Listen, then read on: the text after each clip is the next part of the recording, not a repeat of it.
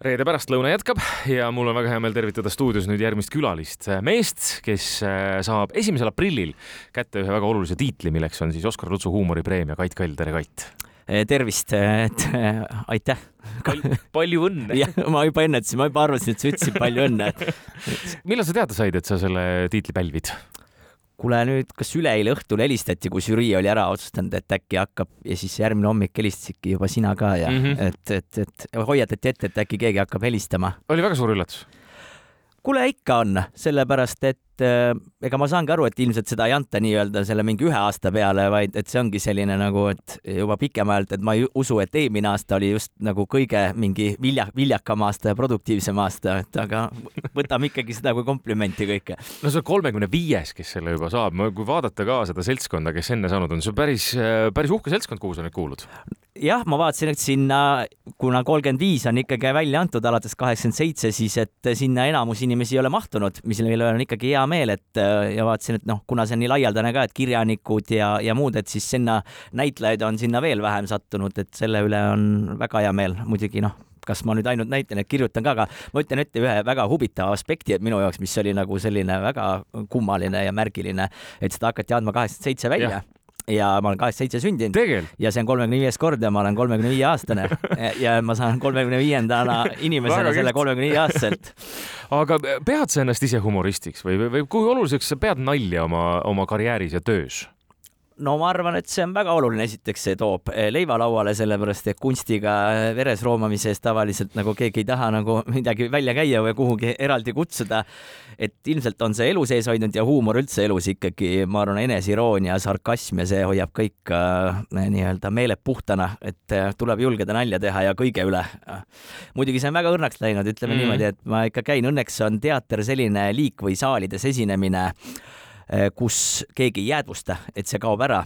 et meedias on hullem, kui teed mingi hullu intervjuu või midagi, ütled kellegi kohta, siis see jääb igaveseks kellelegi hambuni, et aga teatris on lihtsam huumorit teha veel. no kui sa Viljandis Kultuuriakadeemia lõpetasid äh, näitlemise erialal, siis äh, sa mõtlesid, ma ei tea, kas üldse näitlejad mõtlevad selle peale, et millisesse žanrisse ma nüüd nagu liigitun või et, et noh, ma võtangi nüüd see, et koomiku karjäär on minu karjäär või kas need mõtted kunagi üldse käisid peast läbi? sa ei ole ju puhas koomik. ei, otseselt koomikuks ei pea jah, et ikkagi on, äh, ma ju töötasin ka, et äh, Von Krahli teatris no. Äh, siin ikka mingi aja, et seal sai tehtud nii-öelda puhast kunsti ka, et asi oli naljast kaugel, et kõik on tehtud ja ma arvan, et see tasakaal peabki olema kui ma teeks ainult tõsist, ma arvan, läheks ka hulluks ja kui ainult nalja kogu aeg teeks, siis oleks ka imelik, et kas ei olegi midagi, midagi, tõsiseid mõtteid ei olegi peas või, nii et on kõike. sa mainisid, et sa kirjutad ju tegelikult ka, et aga mis oli su päris esimene asi, mille sa äh, näidendi või, või, või ma ei tea, stsenaariumi vormis valmis kirjutasid? ma hakkasin esimese asjana kirjutama, kus ma ise mängisin ka, tegin see esimene roll ka naabrulika tola, et mingil hetkel. Hakkasin, ei, mingil hetkel ma hakkasin kirjutama seda ja kirjutasin pooled osad mingitel hooaegadel seal siis kui enam Martin alguses kirjutanud, kirjutas juba Urmas Lennuk ja mina kahekesi kirjutasime siis. kas ma mäletan õigesti, et Kõrvits ütles seda, et, et ta arvas, et äh, Kall ongi kuskilt sealt noh, nii hästi mängitud roll, et tema arvas, et või võetigi kuskilt maalt mingisugune vend, kes äh, noh, mitte ei mängi, vaid on. ja seda on varem ka öeldud, et isegi siin Raivo Adas ükskord ütles, et äh, kuna keegi siis mind ei teadnud, ma olin veel teatrikooli lõpetanud, alles just olingi lõpetanud, et hakkasin tegema ja siis, et Vanemuise teatrist ka keegi kolleeg küsis, et nagu puudega inimest on natukene äkki ebaeetiline võtta nagu telekas et arvati, et ongi defektiga inimene aga muide, vabariigi aastapäeva paiku näidati Päevad, mis ajasid segadusse Triin Ruumeti filmi, nüüd uus mm. tal on ju tulemas ja ma olin juba unustanud, et, et sa ka seal oled. väga sile poiss, selline boybändi liige. ja oli jah, et nüüd on aeg on oma töö teinud, et tuleb nüüd, nüüd on aeg jälle hakata äh, trenni tegema, aga, aga tõesti, ma vaatasin seda ka huumoripreemia, ma ütlengi, et ega ise ka ei mäleta, kui palju ja mis iganes asju on tehtud, et Äh, noh, kasvõi seriaalidest, ma arvan, et mingi sada episoodi on ikka Eesti telesse kirjutatud, et keegi ilmselt ei teagi, kes neid tiitreid ikka loeb, et mm. nii et ühesõnaga, et on meeletult on ka tehtud kirjanikutööd, aga meeletult on ka mingid, ma ei tea, telesaateid igasuguseid, ma ei tea, kasvõi see Suur komöödiaõhtud või mingite pealkirju isegi ei mäleta nagu enam, noh, mingi Heeringas Veenuse õlad ja, ja, ja mingid asjadega ja tehtud on ja, ja pooled asjad, mis ma naeran alati, et on päris palju on ka nagu päris suured firmad või mingid asjad tellivadki nii-öelda kas mingit sketše, era, mingit nagu nii-öelda spetsiaalset materjali, mis ainult jääbki sinna ja sureb ja kunagi rahvas ei näe, nii et ma kujutan ette, kui päevade kaupa materjali on kuskil kõvaketastel, millest ise enam ammu ei mäleta midagi. kas sulle meeldib üksi kirjutada? ma olen proovinud kirjutada ka mitmekesi ja ka praegult proovime siin mõnda projekti arendada, aga kahekesi on ääretult raske kirjutada mm.. see tähendab, et see on ainukene variant on siis, kui sul on niisugune mingi sitcomi laadne või mingi äh, kus näiteks iga osa on eraldi, nagu ma ei tea, võtame mingi kättemaksukontor näiteks suvaline näide, et sul on iga osa nagu mingi juhtum lahendada, noh, siis sa lepid mingi põhiasja kokku, aga kui sul on niimoodi stsenaarium, kus on nagu ikkagi karakterid välja joonistatud ja läbiv liin ja kõik peab jätkuma, siis see üksteisega põrgatamine, kui üks muudab midagi, siis peab ka teine umbes muutma ja see on päris keeruline on kirjutada mitmekesi. kuidas sul protsess välja näeb, kust sa alustad tavaliselt, kui sa mingisugust äh, stsenaariumit kirjutad? Tead, on need ideed, mis tavaliselt ei ole realiseerinud, mida tahaks teha, need on nagu elu, elu paradoks ikka ja mingid asjad lähevad nii kiiresti käiku, et, et siin huumoriga, et ma ei tea, kas see saab kuskil mingit nomineeritud, see on praegult alles vist telekasse jõuab, sest et see oli Elisa Hubiskin ja oli niimoodi, et seal Tõnis Niinemets ja Maiken Pius mängivad peaosa. uus algus. uus algus jah. ja seal oli niimoodi, et aprilli algul rääkisime Ergoga, et Ergo ütles, et, et võiks midagi teha ja võiks olla niisugune kogupere ja võiks olla lustlik ja ka mitte ainult nagu see nii-öelda jalaga tagumikku ja ja siis ma mõtlesin natuke selle peale ja siis äh, Erko ütles mai algul on mõtted siis, nii et, nii et mingi kolme, kolme nädalaga või niimoodi oli, polnud, oli ainult kogu pere äh, lugu, et ja sealt see tuli. vahepeal need sundiolukorrad panevad niimoodi, et, et ise ka ei tea, mis juhtuma hakkad, sest et mõnda asja võid mitu aastat läbi mõelda, äkki see ei toimi, äkki see ei toimi. et seal ma läksin esimest korda, hakkasin nii minema, et ma ise ka ei teadnud pärast esimest osa, mis edasi saab mm.. et oli, et vahepeal on ka sellised protsessid. aga mõnikord tuleb ka lihtsamalt, näed midagi ja ja, ja mis ongi huumoriga, on ääretult äh, jama lugu see, et see sõnastus on nii oluline ja see mingi eh, nagu hetk ja vahepeal tuleb nii hea mõte, näed midagi ja nii kui üles ei märgi, kahe päeva pärast mõtled, et jumala hea asi oli, aga mis asi see oli, pole õrna aimugi. nii et tegelikult, kui kohe üles ei kirjuta või ei märgi, siis läinud ongi igaveseks.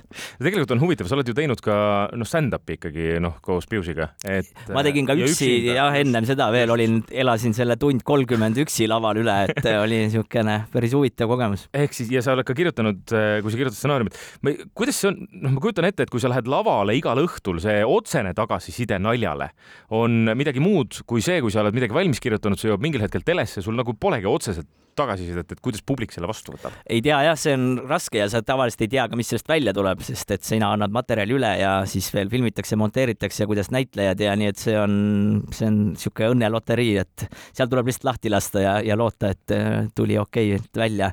aga saalis komöödiaga ma arvan, et see, kes seda kõik teinud on, see on kõige halastamatum äh, asi, sellepärast kui sa teed midagi ära reaktsiooni ei tule, siis on juba okei okay,, üks kord, kaks korda, kolm korda, aga kui kümme minutit on ja oled, keegi omast arust teeb nalja, keegi ei naera, siis tuleb siuke metsik piinlikkus ja süütunne ka publikusse ja see on siuke hetk, et publik, ma arvan, tahaks juba põgeneda, et tal ei olegi nagu vihane otseselt publik, et pettunud, vaid tegelikult hakkab nagu kahju, nagu see on mingi siuke nagu vaataks, et keegi piinleb. sa oled seda kogenud?